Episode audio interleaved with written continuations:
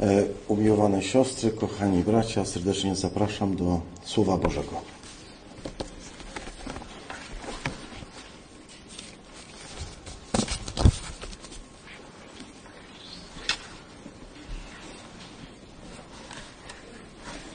Będziemy czytali z pierwszego listu świętego Piotra, apostoła z rozdziału drugiego, od wiersza pierwszego do szóstego. Przekład będzie autorski, ale jeśli pozwolicie, to rozpoczniemy. E, zacznę jednak od tytułu, e, bo wiem, że zapisujemy je do archiwizowania, więc mm, tytuł dzisiejszego rozważania brzmi Niesfałszowany pokarm, czyli rzecz o wieczerzy pańskiej. Ta jedynka, której jeszcze nie widzicie przy tytule, oznacza, że to e, nie jest koniec, a raczej, że mamy do czynienia z czymś, co mm, rozpoczniemy. E, chciałbym, e, żebyśmy mm, mogli e, przeprowadzić jedno, dwa, może trzy rozważania na temat Wieczerzy Pańskiej, a to pewnie będzie śmieszne za jakiś czas, bo ostatnio rozmawiałem z swoim synem Szymonem, który mm, zebrał kazania na temat Jeremiasza i on powiedział, że chyba przy drugim powiedziałem, że to będzie taki krótki cykl na temat Jeremiasza. Mówi, to było chyba 27 kazań. Więc jeśli tamten był krótki cykl, tak zapowiedziałem, taki krótki cykl e, i wyszło 27 kazań, to ile teraz będzie? E, nie, nie. Mam nadzieję, że Was e, nie będę zamęczał. Niesfałszowany pokarm, czyli rzecz o wieczerzy pańskiej. I przeczytajmy tekst.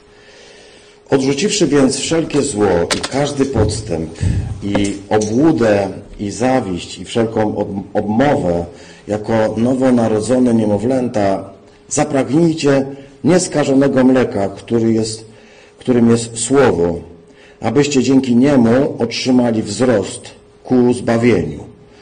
Jeżeli rzeczywiście zakosztowaliście, że dobrotliwy jest Pan, przystąpcie do Niego, do żyjącego kamienia, przez ludzi odrzuconego, lecz przez Boga wybranego jako kosztowny. I wy sami, jako żyjące kamienie, budujcie się w dom duchowy, w święte kapłaństwo, aby przynosić duchowe ofiary godne przyjęcia dla Boga przez Jezusa Chrystusa. Amen. Pobłogosław nas, Ojcze, kiedy pochylamy się nad Twoim słowem i spraw. Byśmy umieli z wiarą przyjąć to, co Ty do nas mówisz, byśmy potrafili odrzucić nasze przekonania i być gotowym przyjąć Twoje przekonanie. Panie, byśmy pod płaszczykiem swoich własnych idei, koncepcji nie zachowywali e, teorii, które są zupełnie niezgodne z praktyką, z tym, co Ty mówisz i czego Ty pragniesz. Chcemy podporządkować się Tobie. Nie chcemy podporządkowywać Twojego słowa naszym poglądom. Chcemy podporządkować nasze serca Twojemu Słowu. Prosimy Ciebie, pozwól nam to uczynić w imię Jezusa Chrystusa. Amen. Ten tekst, który widzicie, y, jakoś taki malutki jest, ale potężny, ja myślę, ostatecznie. Potężny przede wszystkim przez wymowę.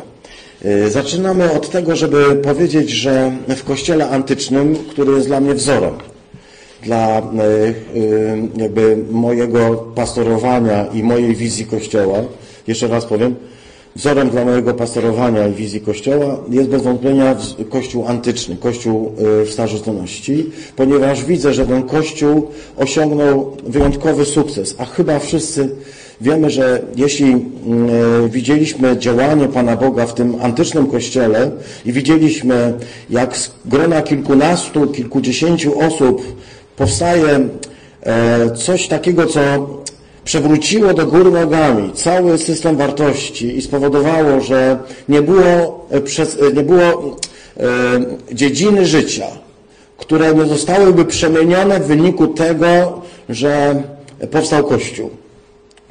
Kościół nie jest takim tworem oderwanym od społeczeństwa, który funkcjonuje jakby sam w sobie. Kościół to ludzie, to ty, ja, którzy zostajemy przemienieni przez Chrystusa i może pojedynczo tego nie widać, tej przemiany, o której dzisiaj pięknie, wzruszająco mówiłaś Ewuniu.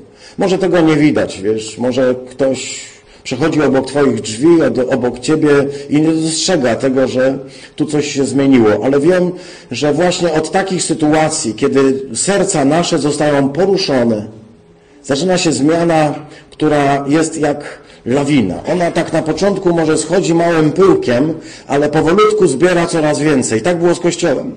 Chcę powiedzieć, że Kościół zmienił oblicze świata, ponieważ Kościół nie jest e, sam w sobie rzeczywistością, ale ma w sobie zarodek życia ma w sobie Chrystusa. Kościół jest nosicielem Chrystusa i ten Chrystus w nim przemienia serca ludzi, ale nie tylko nasze, ale także wpływa na zmianę. I chcę powiedzieć, że te zmiany właściwie dotyczą e, no, każdego aspektu. Chcę zwrócić Waszą uwagę, siostry bracia, że nie byłoby opieki zdrowotnej i szpitali, takiej służby zdrowia, jaką znamy w postaci ludzi, którzy się poświęcają. Dzisiaj naturalne to jest służba zdrowia, lekarze i tak dalej, gdyby nie chrześcijaństwo gdyby nie chrześcijaństwo.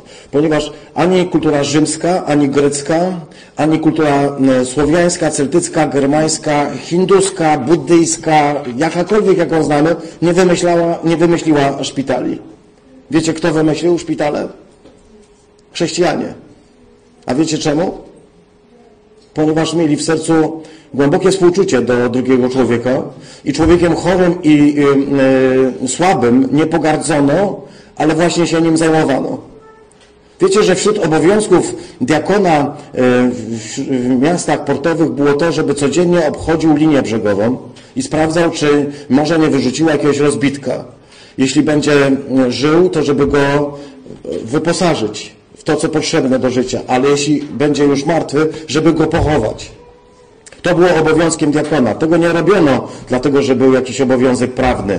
Po prostu chrześcijańskie współczucie i obowiązek wobec człowieka wymagało zmiany, zmiany mentalności. Wiecie o tym, że y, w służbie więziennej która w starożytności nie była czymś, e, co by było szczególnie e, na piedestale. Raczej więzienie było miejscem, które bliskie było śmierci i umierania. Chcę powiedzieć, że właśnie przez to doświadczenie chrześcijan, którzy przechodzili przez okropność więziennictwa starożytnego, to właśnie zmieniła się służba penitencjarna, zmieniły się warunki. Zaczęto mówić o więźniach jako o ludziach, którzy mają prawo być traktowani po ludzku, z ludzkimi warunkami, którzy mają prawo do jedzenia, co nie było takie oczywiste, do kąpieli, co było już zupełnie nieoczywiste, do ludzkiego traktowania.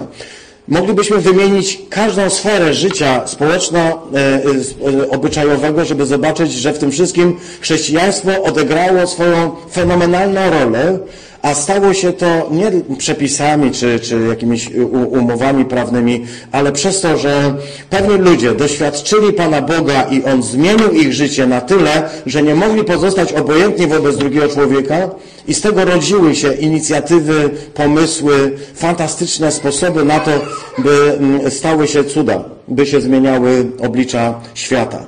Pan Bóg ustanowił Ciebie i mnie w tym samym celu Jesteśmy siostry i bracia tutaj, dotknięci tym cudem Bożej łaski, aby ostatecznie zmienić oblicze te, tego miasta, aby zmienić oblicze naszych e, domów, e, ludzi, z którymi mieszkamy, aby okazywać życzliwość tam, gdzie jej nie ma naturalnie, okazywać miłość, chociaż może to wywoływać śmiech tam, gdzie ludzie e, żyją wyłącznie dla siebie, bo wierzymy w to, że Chrystus zmieni oblicze tej ziemi i zmieni oblicze tego świata. Może zmienić oblicze naszych miast, bo zmienia nasze serca.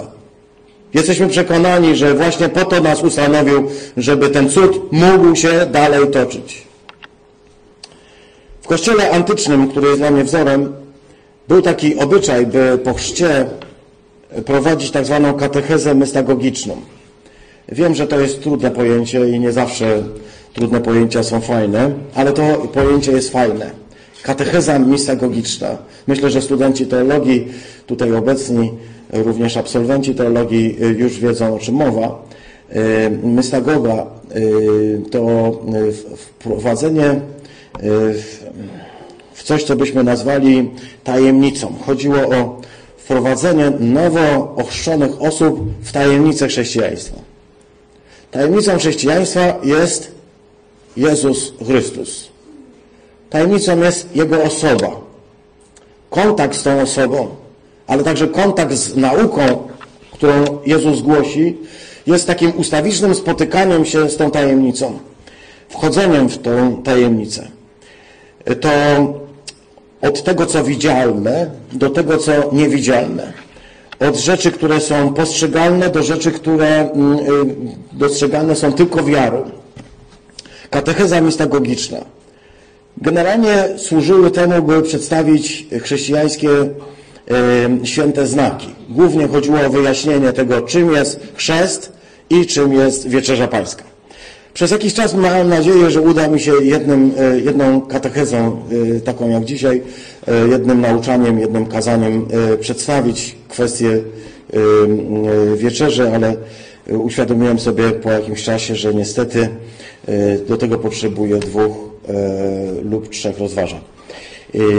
Jednym z określeń, którym się chętnie posługujemy w naszym życiu chrześcijańskim, to taki zwrot oddać swoje życie Chrystusowi. Znamy ten zwrot? No, znamy go dobrze. Czy oddałeś już życie Chrystusowi? To jest pytanie o to, właściwie o co to jest pytanie? O to, czy, czy uwierzyłeś, tak? Czy uwierzyłeś, że Jezus jest Panem, czy może narodziłeś się na nowo? Znamy ten zwrot, jest ważny i akurat ja go osobiście bardzo lubię. Oddać swoje życie Chrystusowi. Wiecie, wolę to wyrażenie od sformułowania czy mm, przyjąłeś Chrystusa do swojego serca. To też jest fajne sformułowanie, mm, ale jakoś tak za bardzo techniczne. Oddać życie, oddać życie Bogu. Czy oddałeś już Mu swoje życie? Dzisiaj to pytanie też dobrze by było, żeby padło, ponieważ oddanie życia Chrystusowi nie należy tylko do przeszłości. Oczywiście to fajna rzecz, móc powiedzieć, oddałem życie Chrystusowi 30 lat temu, 35 lat temu. Chcę się zapytać, czy z tego coś wynika? Bo jeśli oddałeś życie 35 lat temu, to jaki musi być postęp wiary i co się musiało zmienić w Twoim życiu po 35 latach? Czy nieraz, siostry, bracia, nie jest nam wstyd? Ja przyznam szczerze, że mi tak. Znam człowieka, który urodził się w momencie, kiedy ja się nawróciłem. Jest taki człowiek. Poznałem go, jak się nawróciłem, to on właśnie przyszedł na świat. Jak się patrzy na niego, jest dorosłym mężczyzną, który radzi sobie świetnie w życiu, jest naprawdę fantastyczny. I myślę sobie, czy w moim życiu duchowym widzę taki postęp, jak w jego życiu fizycznym, czy w jego życiu materialnym, czy w jego wzroście. Nie zawsze. Nieraz wydaje mi się, że wciąż, e, wciąż lubię bawić się e, jeszcze w dzieciństwo i taki jestem ciągle y, niestety dziecinny w swoim chrześcijaństwie. Niby dojrzały facet, ale taki jakiś jeszcze, no, mam coś jeszcze do zrobienia. Oddać życie Chrystusowi to nie tylko coś, czym mogę się pochwalić wśród chrześcijan. Oddałem życie Chrystusowi kilka lat temu, kilkanaście lat temu, kilkadziesiąt lat temu, ale coś, co musi się chyba dziać dzisiaj, tutaj i teraz. Czyli oddaję życie, życie Chrystusowi tutaj i teraz, tak? Nie wystarczy, że oddałem Mu kiedyś. No dobrze, ale potem Mu je zabrałem i zacząłem żyć po swojemu. Czy tak mogło być? Może być tak, że w wielu dziedzinach oddałem Mu swoje życie, ale w większości dziedzin mojego życia ciągle to ja jestem Panem mojego życia. I w wielu dziedzinach, w jakich dziedzinach? No, moglibyśmy wymienić tutaj na pewno nieskończoną ilość, tak dużo rzeczy, jak, jak istnieje tylko sfera naszego życia. Życie małżeńskie, czy, czy to też jest y, sfera, w której oddałem życie Chrystusowi, czy w sferze y, mojej, y, nie wiem, diety i życia zdrowego, czy też oddałem życie Bogu, ale może także, czy w sprawach, nie wiem, finansów też oddałem życie Bogu, czy to tylko dotyczy mojego ośrodka, wnętrza, wiecie? Chcę powiedzieć, że chrześcijaństwo nie zwyciężyłoby i nie osiągnęłoby tego, co osiągnęło w starożytności, gdyby działo się tylko wewnątrz. Ideą chrześcijaństwa jest to, by to, co się dzieje wewnątrz człowieku, by tak jak nas Chrystus wewnętrznie zmienia, żeby to wywo, wy, wypływało na, na zewnątrz. To oddanie życia to nie tylko przeszłość, ale to dzisiaj. I to jest coś, co jest procesem rozpoczętym ale niedokończonym. Bo ciągle dostrzegam, i wy, wydaje mi się, że wy też, że są sfery mojego życia, które są kompletnie zao, kompletnie niedotknięte ręką Chrystusa. Są takie rzeczy w naszym życiu, w których Chrystus jeszcze póki co nic nie zrobił, ponieważ tam była e, brama, tam kłódka i mówiłem Chrystusowi, do tego miejsca nie wstępuj Panie, bo to jest taka moja własna i tutaj Cię nie zapraszam. W związku z tym proces, który rozpoczęty trwa całe życie, całe życie jest jakby takim oddawaniem swojego życia Chrystusowi, przez co ta dojrzałość mnie jako wyznawcę Chrystusa, dojrzałość, wzrastanie, ten proces. Jeszcze raz wracając do obrazu, który roz, rozważaliśmy już dwa tygodnie temu i tydzień temu, obrazu nowych narodzin. Jeśli dziecko poczęte w łonie mamy rozwija się, to po dziewięciu miesiącach, jak wszystko dobrze idzie, wychodzi na świat i wtedy mówimy, jest obraz chrztu, który temu towarzyszą te wszystkie przedziwne okoliczności, ale potem rozpoczyna się życie. Nie wystarczy się bowiem urodzić, trzeba nauczyć się funkcjonować, żyć. I wiadomo, że kiedy człowiek przyjdzie na świat, e, wszyscy się cieszą i jest dużo radości, zarówno wtedy, gdy przyszedł e, zaplanowany, jak i wtedy, gdy nagle staje przed tobą, przed e, starszymi w ostatnim momencie i mówi proszę, chcę być ochrzczony i ty stoisz przed zapytaniem o ludzie, co teraz zrobić. Bez względu na to, w jakich okolicznościach ten dzień jest fenomenalny, wyjątkowy, jedyny w swoim rodzaju. Ale potem przychodzi nam codzienność. Chrystus przyszedł zmienić naszą codzienność. On nie jest od uroczystości. Zgodzimy się? On jest od codzienności. On przyszedł po to, by zmienić moją codzienność tak, by to wpłynęło na losy świata. Możesz w to nie wierzyć. Ale przypominam Abrahama, naszego ojca wierzę. Jeden, jedyny człowiek na całej kuli ziemskiej, który uwierzył, że Pan, Bóg na niebie jest jedynym prawdziwym Bogiem. Jeden, jedyny człowiek na całej kuli ziemskiej. Dzisiaj, siostry bracia, miliardy ludzi mówią, to jest nasz ojciec wierzy.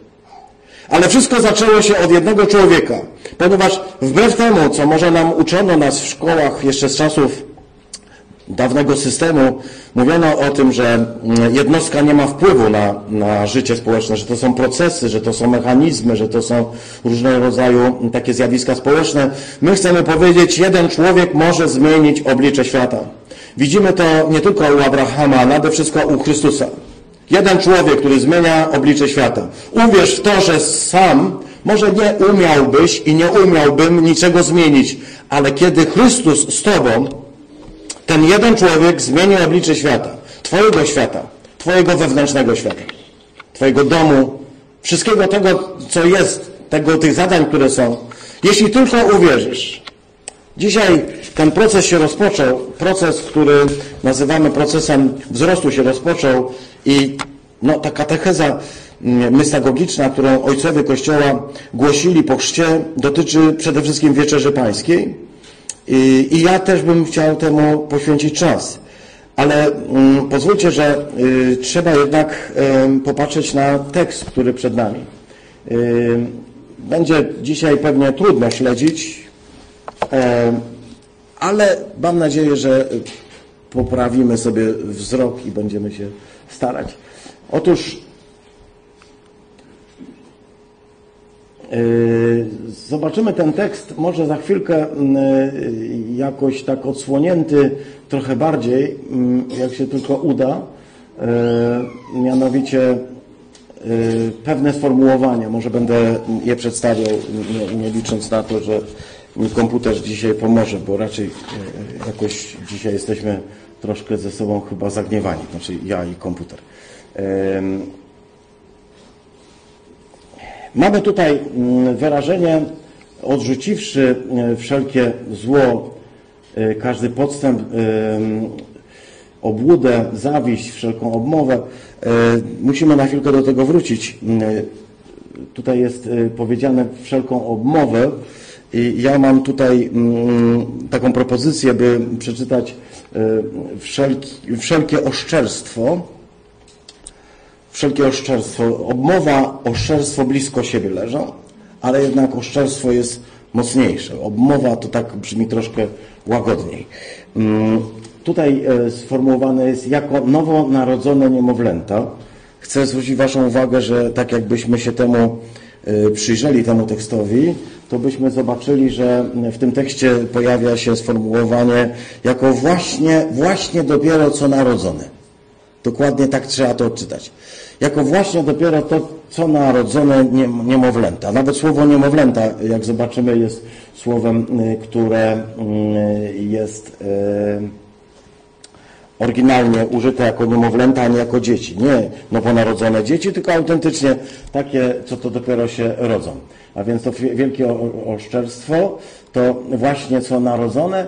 No i wreszcie tutaj to słowo zapragnijcie nieskażonego mleka, w którym jest słowo. Gdybyśmy się popatrzyli w nasze wydania Biblii Warszawskiej, to byśmy tam zobaczyli, że tam jest napisane, yy, abyśmy zapragnęli duchowego mleka. Zwróciliście uwagę, jak macie Biblię? Abyście zapragnęli duchowego mleka. Gdybyśmy się przyjrzeli oryginałowi, to ono jest zaskakująco inne. Aż sprawdzałem to na wszystkie sposoby. Myślę sobie, to niemożliwe, żeby ja przyzwyczajony jestem do tego, że tam jest napisane zapragnijcie duchowego mleka, ale dosłownie tam jest napisane nawet nie tyle zapragnijcie nieskażonego mleka, którym jest słowo. W ogóle w naszym tekście nie ma sformułowania, w którym jest słowo, ale możemy to przeczytać jeszcze zapragnijcie związanego ze słowem niesfałszowanego mleka. Yy, mleko związane ze słowem.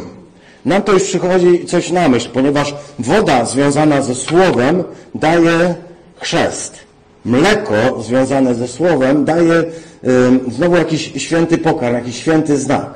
Stąd uczyniłem ten tekst szczególnym dla mnie przy rozważaniach na temat Wieczerzy Pańskiej, bo uważam, że tutaj w tym sformułowaniu jest e, zawarta idea dotycząca Wieczerzy Pańskiej i powiem nawet, że w starożytnym Kościele też tak widziano. Potem od takiej interpretacji e, e, ojco, późniejsi interpretatorzy odeszli.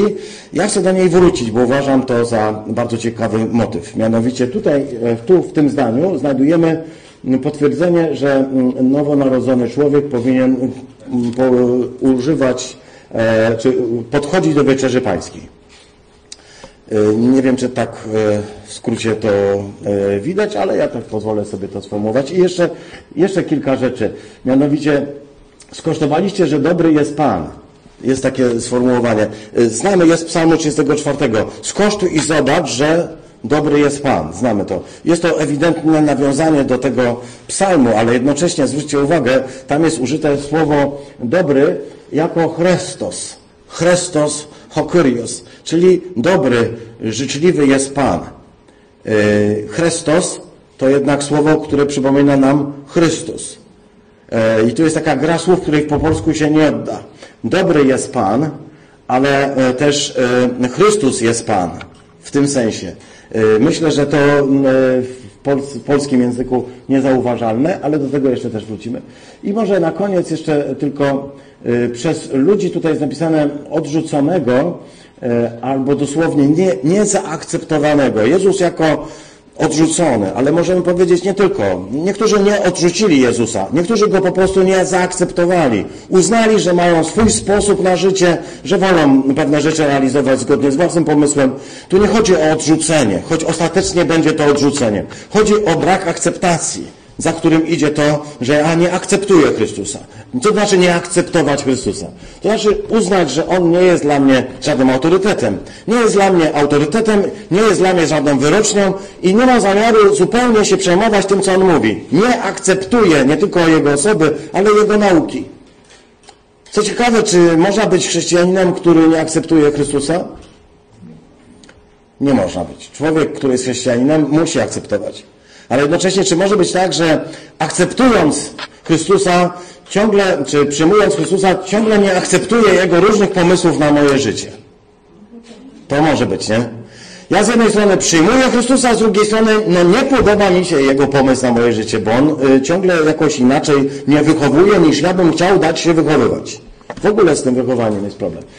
Odrzuconego, a dokładnie nie zaakceptowanego przez ludzi, ale przez Boga uznanego za szlachetny, kosztowne, tak. I wreszcie y, tu jest napisane budujcie się, zawsze te zwrotne y, sainki są ciekawe, budujcie się, czyli to jest wasza praca. y, wy się budujcie, starajcie się. To jest takie chrześcijaństwo moralizatorskie, nie? Musisz się zmienić. Musisz być lepszy. Musisz coś poprawić, nie? To jest zawsze to musisz, które jest skierowane do mnie, a którym ja sobie nie mogę poradzić, no bo właśnie sobie nie poradzę. Musisz. Tutaj jest, zobaczcie, ta zwrotność zupełnie odwrócona, bo jest powiedziane i wy jako żyjące kamienie jesteście budowani. I to słowo mnie zachęca, bo ono pokazuje, że nie tyle Bóg mówi do mnie, musisz teraz budować, ile pozwól mi, że będziesz budowany, że będę mógł wejść z Tobą, że to nie jest tylko Twoja robota, Ty musisz coś zrobić, nie? To mówiło prawo, tak mówiła Tora. Musisz, musisz, musisz, nie wolno, musisz. A tutaj jesteście budowani.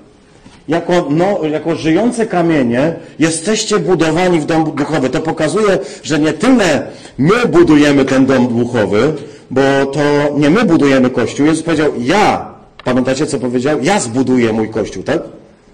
Ja zbuduję mój kościół. To nie jest moja i twoja robota. On chce to zrobić przy pomocy twoich i moich rąk. Ale to jest jego autorski pomysł i jego autorskie wykonanie. To prawda, że do tego wymaga ludzi, którzy powiedzą Chrystusowi tak, ale kiedy ostatecznie my dzisiaj po tych dwudziestu kilku latach patrzymy się na to dzieło Chrystusa we Fromborku, to chcemy powiedzieć, Panie, to nie ja. Panie, ja może to tylko trochę na, na, na, na, napsułem raczej. Wszystko dobre, które się wydarzyło tutaj, to wszystko jest Twoja i tylko Twoja zasługa. Chcę się zapytać Was, siostry bracia, potrzebuję Waszej odpowiedzi. Czy to jest y, taka fałszywa skromność z mojej strony, z Twojej strony, kiedy mówisz, to nie ja, pan, to nie ja, Panie, to Ty zrobiłeś to nie mi należy się chwała, to Tobie się należy chwała. Czy to jest tak, że to naprawdę widzę, że to ja jestem sługa nieużyteczny, a to On robi? Czy widzisz to? Czy to prawda? Bo to jest potrzebne.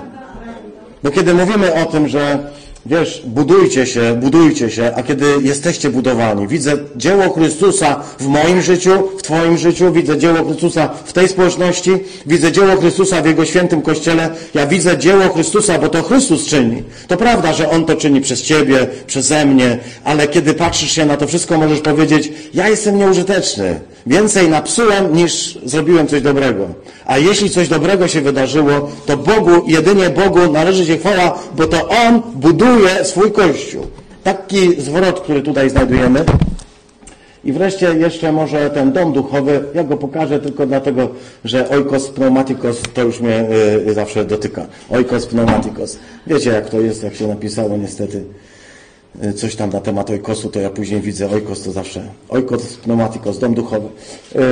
Tak wygląda taka pobieżna analiza, jak widzicie, y, szybciutko przeprowadzona po to, żeby zobaczyć, co w tym tekście jest ciekawe.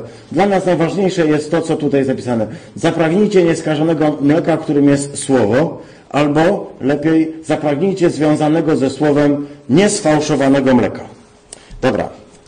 Mając ten tekst przed oczami, Chciałbym, żebyśmy zwrócili uwagę e, e, na to, że część egzegetów mm, jest przekonana, że ten list, to co tutaj czytamy, a szczególnie właśnie ten fragment jest dowodem na to, że Piotr napisał ten list e, do mm, ludzi dopiero co ochrzczonych. To się nazywa homilia chrzcielna. Mówi się o pierwszym liście Piotra jako homilii chrzcielnej, czyli o homilii napisanej do ludzi nowochrzczonych. I by wyglądało na to, że to jest prawda. Osobiście bym się przychylał, choć oczywiście zdania mogą być różne. Ponieważ yy, Piotr użył tutaj sformułowania, które jest nam bardzo bliskie, sformułowania, które mówi jako nowonarodzone niemowlęta. Dopiero co zrodzone. Jeśli możemy tak powiedzieć o kimkolwiek, to najbardziej o ludziach, którzy właśnie przyjęli chrzest. I Piotr mówi do chrześcijan różnych, którzy występowali w różnych miejscach, jako do ludzi nowo nawróconych, jako do ludzi, którzy dopiero co wyszli z wody, może którzy jeszcze ociekają tą wodą, tak bym sobie to wyobraził. Ludzi, którzy zostali zanurzeni, wynurzeni i, i Piotr kieruje do nich takie słowo. Mówi do nich, odrzuciwszy wszelkie zło i, i wszystkie te pozostałe rzeczy. Chcę zwrócić Waszą uwagę, siostry bracia. Nie mogę jakby tego pominąć, że to jest dla mnie ten ważny moment tego ubiegłego piątku i ostatniej niedzieli. E, mam w oczach jeszcze te dwa anioły, które stały tam w kaplicy. Mm, przepiękne anioły, Genowefo, Stanisławie, przepiękne anioły. Później jeszcze to wielu ludzi potwierdzało, takie dwa anioły stojące. To jest ciekawe, że to takie myśli bliskie. Mam na myśli również te anioły, które tam stały w wodzie e, tej niedzieli. Ten tekst zaczyna się od takiego sformułowania odrzuciwszy, odrzuciwszy wszelko, wszelkie zło. E, tu słowo odrzuciwszy oznacza e, kilka rzeczy. Możemy powiedzieć w pierwszej kolejności, to znaczy zrzucić z siebie na przykład ubranie. Zrzucam z siebie. Mam brudne ubranie, wiecie, yy, ciężko pracowałem, wy, wybrudziłem wszystko, chcę wejść w kąpiel, muszę to wszystko zrzucić z siebie i wejść pod prysznic, żeby się umyć, a potem, gdy się umyję, mam dwie możliwości. Albo założę nowe, pachnące, świeże, miłe, ciepłe i w ogóle cudowne ubranko. Macie takie coś nieraz? Jak się wykąpiecie i założycie nowe ubranie. Czujecie się ogarnięci taką miłą czystością? A zrobiliście kiedyś tak, że po wykąpaniu ubraliście swoje przepocone, brudne i śmierdzące rzeczy? Nie. A spróbujcie kiedyś tak zrobić.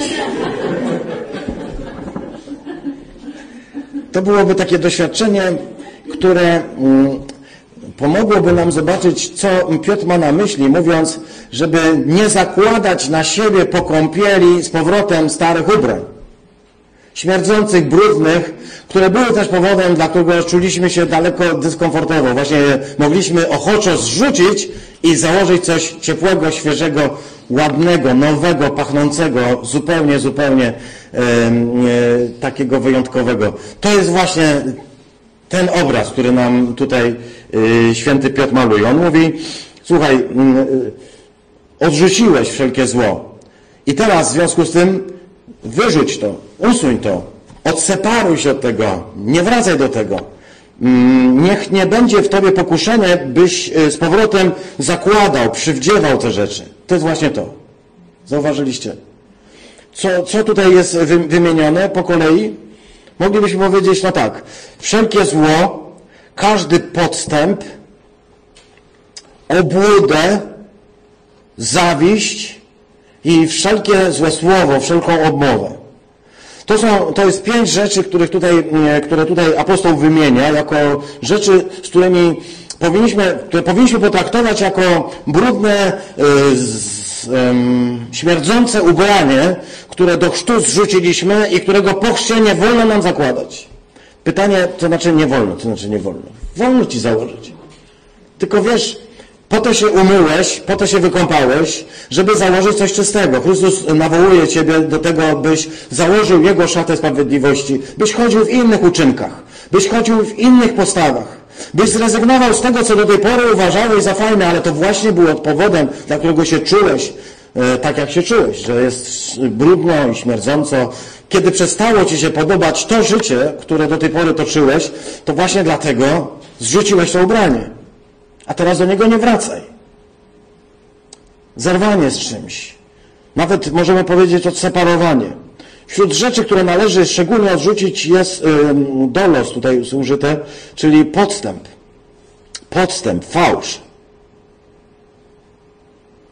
Podstęp, fałsz. Dlaczego to jest takie ważne? Dlatego, że y, zostaje przeciwstawione to dolos temu adolon, czyli temu niesfałszowanemu, czyli niepodstępnemu mleku.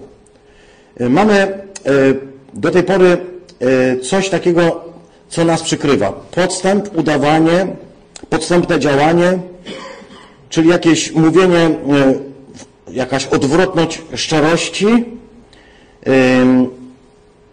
odwrotność braterstwa, skierowane przeciwko drugiemu człowiekowi, po to, by mu zaszkodzić. Tutaj to, żeby mu zaszkodzić, żeby ugrać swoje. To, to stanowi istotę, żeby osiągnąć cel, żeby być dla siebie, żeby uratować siebie. To jest to, o czym przez cały czas przy katechezach chrzcielnych mówimy. Najważniejsza rzecz, uratować siebie, myśleć o sobie. Jeśli człowiek chce za wszelką cenę zachować życie, uratować siebie, mówi Chrystus, zawsze okaże się to porażką. Kto chce uratować naprawdę siebie, powinien być gotowy oddać swoje życie. Oddać je Chrystusowi. Jeszcze raz, oddać życie Chrystusowi. Zrobiliśmy to kiedyś, musimy to robić każdego dnia. Mówić każdego dnia o poranku. Panie, oddaję Ci moje życie. Chcę zerwać z siebie te wszystkie brudne szmaty, które do mnie ciągle przybierają i chcę założyć nową szatę, by nie szkodzić nikomu. By nikomu nie szkodzić. Może powiemy sobie tak. Generalnie nikt z nas, nikt z nas tutaj obecnych, a myślę, że i na świecie żyjących, nikt normalny, nie chce szkodzić drugiemu człowiekowi, prawda? Ja nikomu nie chcę szkodzić. Niech tylko mi nie szkodzą.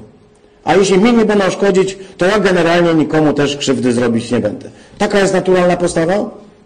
Jest ona dobra, jest właściwa, społeczna. Jeśli mi nikt nie szkodzi, ja też nikomu nie szkodzę. Ale to nie w tym jest chrześcijaństwo. Chrześcijaństwo nie polega na tym, żeby czegoś nie robić,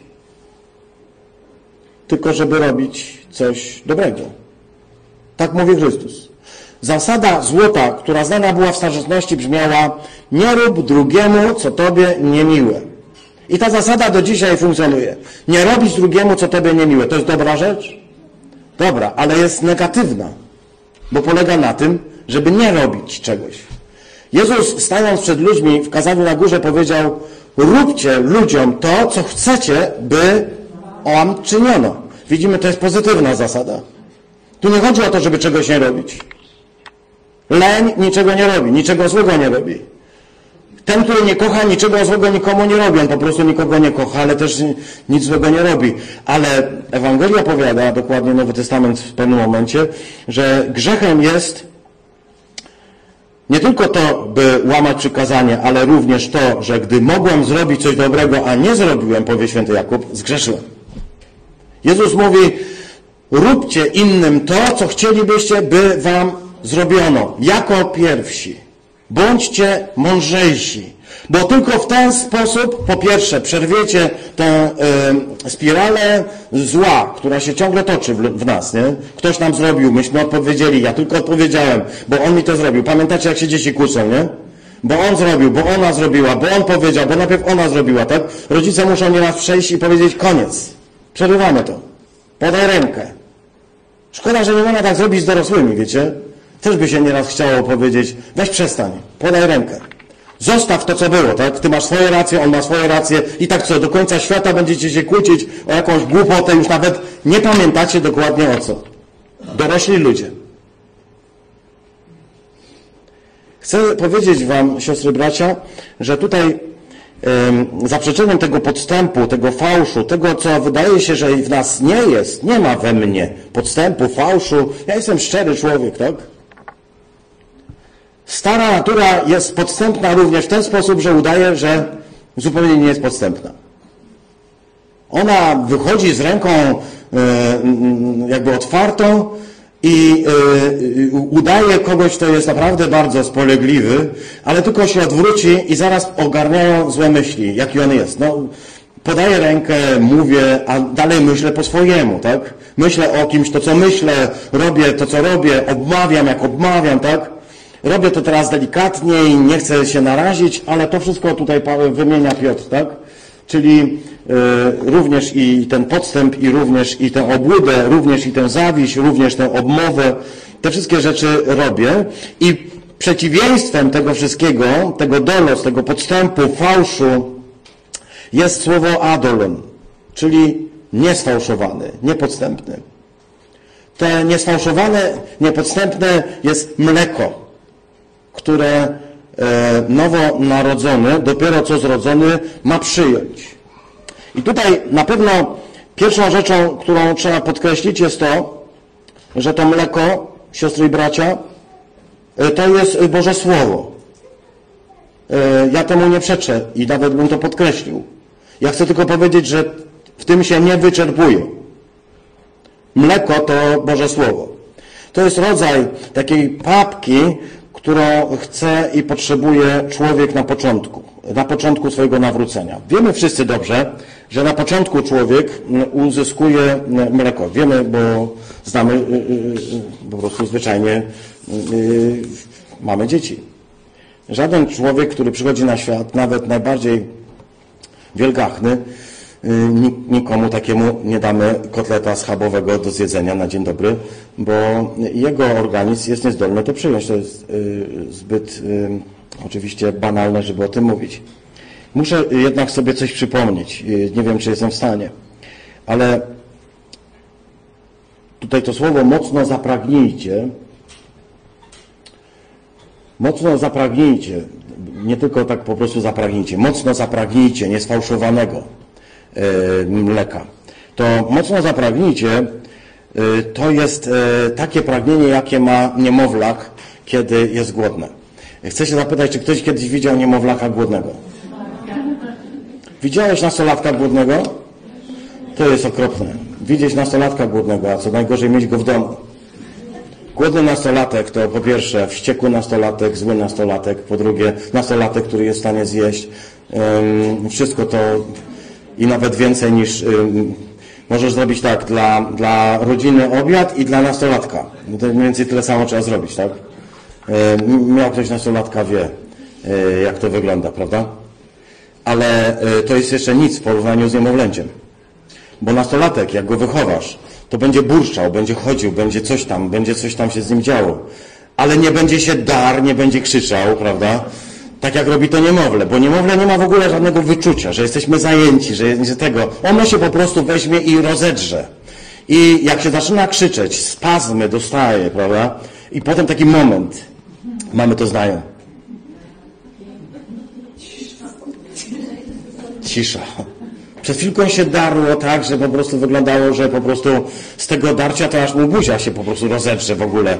Wyglądało na to, że nie, koniec, już koniec będzie. I ono nagle przyłożone do piersi mamy albo e, złapie smoka w butelce i nagle się cała jego aktywność w ten smok kompletnie przejawi i nagle jest cisza. Tylko głośne łykanie i, szczęś i szczęście, a potem zje i jest zadowolony. Macie takie dzieci? Jesteście szczęśliwi. Dzieci, które pięknie się wydrą i nie dają wam spokoju. Musicie zostawić wszystko i dać mu jeść. Mówi święty Piotr, obyście byli takiego ducha. Żebyście się zaczęli tak wydzierać za słowem, żebyście tak zapragnęli mleka, żeby was nikt kompletnie nie był w stanie utulić. Nic, żadne zabawy, o, o, trzeba po prostu dać jeść. Takiego życzę Wam też, y, kochani ochrzczeni, kościoła, w którym będziecie mogli przyjść i się autentycznie nakarmić dobrym, dobrym mlekiem, dobrym pożywieniem, bo tak naprawdę to o to chodzi.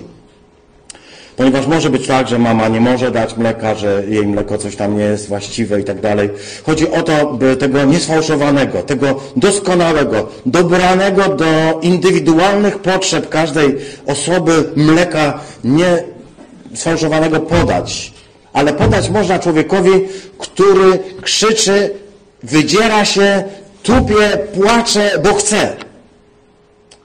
My, jako Kościół, chcielibyśmy mieć takich nowo ochrzczonych braci i siostry. Takich, którzy nam mówią, za mało mleka, chcemy więcej pokarmu. Nie będziemy zadowoleni z tego, że nabożeństwo chwilkę potrwa i polecimy do domu. A co ja będę czekać tydzień czasu na następne nabożeństwo? Ja chcę więcej spotkań, więcej modlitwy, więcej rozmawiania, więcej słów, więcej e, czytania, więcej Biblii. Ja chcę tego wszystkiego więcej, więcej, więcej, bo jak nie, to będę ryczał. Czy chcielibyście, siostry, bracia, takich właśnie nowookrzonych? Czy macie, macie y, takie serce, że jesteście gotowi, że jak oni zaczną wam tak wydzwaniać i mówić, słuchaj, chcę się z tą pomodlić, muszę się z tą pomodlić. Wiecie, że jeśli dzieciaki nie mają takiej postawy, jeśli dziecko jest anemiczne, nie chce jeść, to jest to chore, objaw choroby. Trzeba podejmować różne działania, chodzić do lekarzy, różne środki stosować, bo to jest chore. Jeśli nowonarodzone dziecko nie chce jeść, jeśli za tym nie krzyczy, jeśli nie pragnie, nie płacze, nie tęskni, to znaczy, że jest chore. Życzymy sobie i Wam, nowochrzczeni, żebyście po prostu nie mieli względu na nic. Po prostu mocno zapragnijcie. Z krzykiem, z płaczem, dopominajcie się pokarmu. Dopominajcie się tak, jak jeleń pragnie wody. Jak zesła spękana ziemia pragnie wody. Tak wy się dopominajcie. Wielkim krzykiem, wołaniem o pokarm.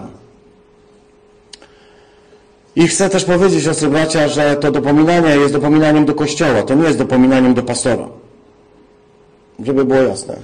Ja nie jestem w stanie wykarmić dziesiątki. Y, nawet jeśli tak wyglądam, jak wyglądam. Nie jestem w stanie. To jest wezwanie do rodziny. To jest wezwanie do każdego z Was. I chciałbym Was prosić, żebyście się nie uchylali od tego obowiązku. Każdy na tyle, na ile może. To znaczy, po pierwsze, żebyście modlili się o tych nowochrzczonych, by byli zdrowi, wiecie. Przyjść na świat to jest fajne, cudowne święto, wszyscy się cieszymy, ale teraz pytanie, przeżyją gorączki połogowe, różne trudne sytuacje, które się pojawiają, przecież są zupełnie w nowych okolicznościach, są nowe rzeczy, to wszystko jest pewne wyzwanie. Czy otoczymy ich miłością, siostry i bracia? Czy będziemy się naprawdę o nich modlić i wołać? Żeby to były zdrowe dzieciaki. Nawet jak mają 95 lat. Nowonarodzone niemowlęta. Niemowlęta. Dopominają się, wołają, proszą. Odpowiadajcie na ich wezwania. Spotykajcie się, rozmawiajcie, bądźcie życzliwi, serdeczni, uprzejmi i przede wszystkim gotowi, by pomóc. Oczywiście znacie mój te numer telefonu. Możecie zawsze podać mój numer telefonu. Ale tak naprawdę nie o to chodzi. Chciałbym, żebyście włączyli się w to dzieło, bo e, jak ktoś ma rodzinę wielodzietną, a jest kilka osób, które mają u nas takie rodziny wielodzietne, licząc, że od trójki zaczyna się wielodzietność, to chcę powiedzieć, że e, przy pierwszym dziecku są zawsze pewne problemy. Przy drugim e, są problemy z pierwszym, ale przy trzecim przestają istnieć problemy. Przy czwartym, piątym, szóstym, siódmym, dziewiątym mam kolegę, który ma ośmioro dzieci. Pytam, ty, jak można mieć ośmioro dzieci? On mówi, ja nie wiem. Ja... On tylko ograniczył się na pierwszym epizodzie związanym. Nie, on mówi tak, wiesz co, i nie wiem, czy to jest prawda, siostry bracia, wyprowadźcie mnie z błędu, szczególnie siostry, że w rodzinie wielodzietnej dzieci wychowują się jeden przez drugiego, to znaczy starsze dzieci wychowują młodsze dzieci. E, to nie jest tak, że po prostu teraz mama musi poświęcić tym dzieciom tyle samo czasu każdemu, bo, bo jeśli masz jedno dziecko i poświęcasz mu ileś godzin dziennie, to jeśli masz dwoje dzieci czy troje, to musiałbyś mieć trzy, dwa, trzy razy tyle czasu, sześcioro to jeszcze sześć razy tyle czasu, a się okazuje, że y, czas nie jest z gumy i nagle nie możesz tego zrobić, ale się okazuje, że dzieci się wychowują ponieważ wychowując jedne, ono wychowuje następne i następne. Tak jest proces, tak wygląda to w domach. Czy się zgadzacie? I tak ma wyglądać Kościele. Czy się zgadzacie, Kościele? Musimy się nawzajem jakby wspierać w tym dziele i sobie nawzajem pomagać. Y, to jest cudowna rzecz. Widzieć nowonarodzone niemowlęta, rozkrzyczane i pragnące mleka, krzyczące i wołające jeść całym sobą i jednocześnie móc je karmić. Czy matka przeżywa coś, nie wiem, bo nigdy nie byłem matką, czy matka przeżywa coś równie pięknego w swoim życiu, jak właśnie ten moment, kiedy karmi swoje dziecko? Czy jest coś piękniejszego? Mówi, mówi matka, jakoś męskim głosem Tadeusza zajechała. Jest coś pięknego, podobno. My, mężczyźni, możemy tylko Wam, kobietom, zazdrościć.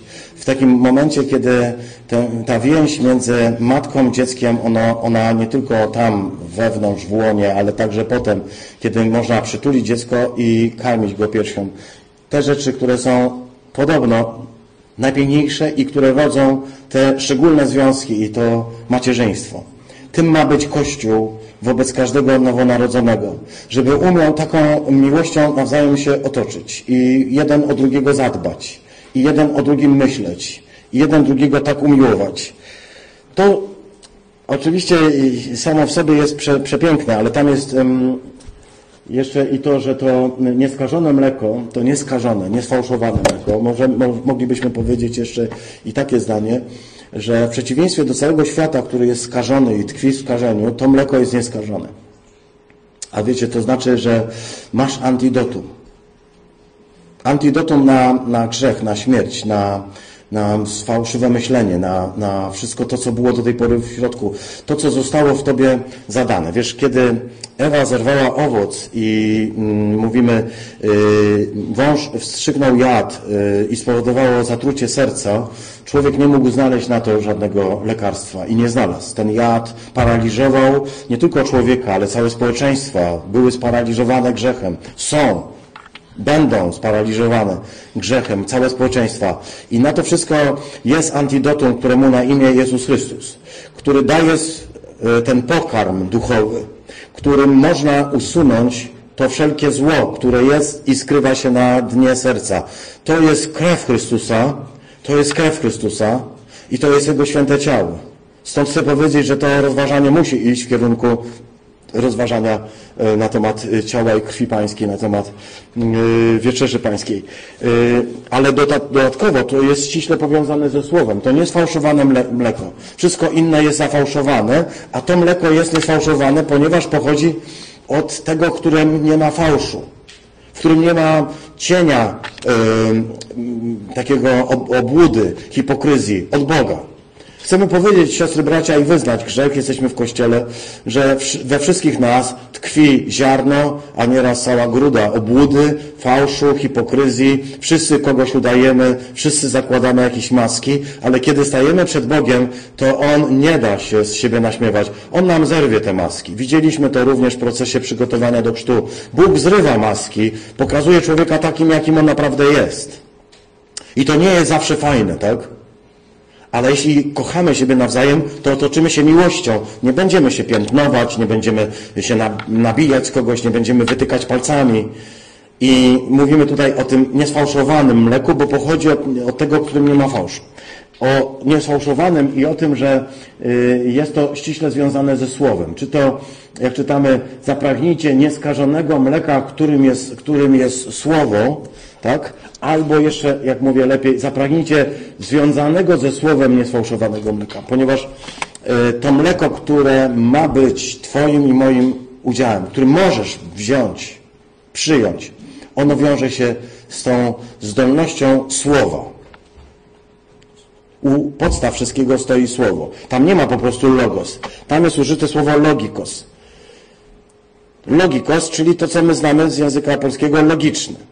To słowo jest logiczne. To znaczy tłumaczy się nieraz rozumne, a niektórzy tłumaczy przeszli w słowie na duchowe. Logiczne. Yy, tu tylko takie, taka myśl jedna krótka. Yy, jeśli jesteś człowiekiem wierzącym, to jesteś człowiekiem racjonalnym. Racjonalnie myślącym. Jesteś człowiekiem logicznie myślącym. To nie jest prawda, że człowiek wierzący to człowiek niemyślący, to człowiek nieracjonalny i człowiek nielogiczny. To właśnie człowiek wierzący jest człowiekiem logicznym, racjonalnym i myślącym. To właśnie człowiek wierzący ma e, podany e, otwarty umysł na myślenie logiczne, racjonalne i rozumne. Chcę to podkreślić, szczególnie gdy się toczy taki spór o, między wierzącymi a racjonalistami. Są takie strony racjonalistów, którzy mówią, że chrześcijanin to człowiek, który jest ciemnogrodzki, a oni są myślący i racjonalni. Ja chcę powiedzieć logikos.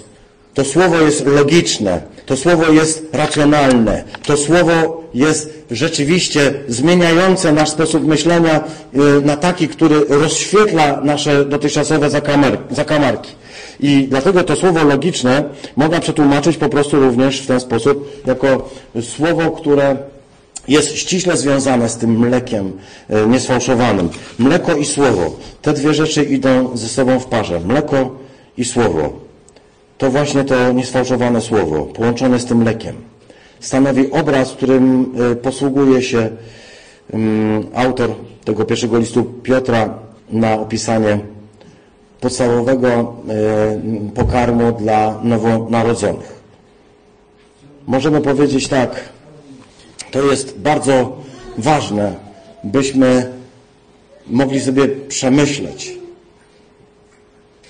na ile to niesfałszowane mleko, połączone ze słowem, słowo z mlekiem, mleko ze słowem, stanowi podstawę mojej egzystencji. Bo jakkolwiek duży nie jesteś, jakkolwiek nie lubisz dobrych rzeczy zjeść, może tłustych, to na początku, kiedy się zacząłeś rozwijać, podawała ci mama mleko. Ono stało fundamentem, budowało twoje kości, budowało twoje mięśnie, budowało ciebie całego i to przez, e, może nawet nie krótko, przez lata. Może dwa, może trzy, tak się podaje dziecku. A potem często i dłużej. Chcę zwrócić Waszą uwagę i poprosić Was, siostry, bracia, żebyśmy rozmyślając na temat Wieczerzy Pańskiej zaczęli od tego, e, czy to mleko, które Bóg nam podaje w swoim Słowie, czy ja go w ogóle chcę, czy ja pragnę i czy ono ma dla mnie wartość. A także czy mam ochotę wrócić nieraz do tych brudnych ubrań i założyć je na siebie i czy jestem gotowy uznać, że te wszystkie rzeczy chcę odrzucić i założyć nową szatę Chrystusa. Nową, czystą, świętą. Taką, w której będę czuł się wreszcie komfortowo, ogarnięty pięknym zapachem Jego osoby. Zapraszam się serdecznie, byśmy jakieś jedną, dwie niedziele jeszcze na ten temat rozważali. Ku zbudowaniu naszych e, ochrzczonych, naszych braci i siostry, których chcemy otoczyć naszą miłością i prośbą do Boga o to, by ich sumienia mogły być czyste i nieskalane. Amen.